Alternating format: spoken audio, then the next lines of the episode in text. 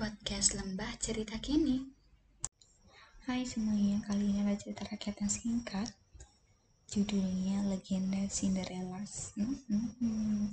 Cinderella tidak. Dan oh my god, halus banget ini aku lagi sesak napas ya guys. Oke, jadi cerita singkatnya adalah Raden Putra yang merupakan raja dari kerajaan Jenggala.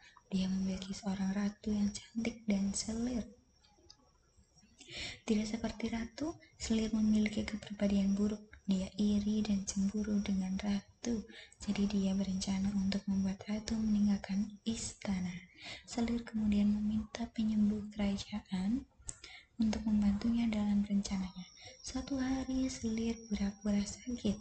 Raden Putra eh, disebut penyembuh kerajaan untuk memberikan perawatan Selir. Nah itu cerita singkat dari legenda Cinderella dan kita akan ketemu lagi di next episode. So see you. Bye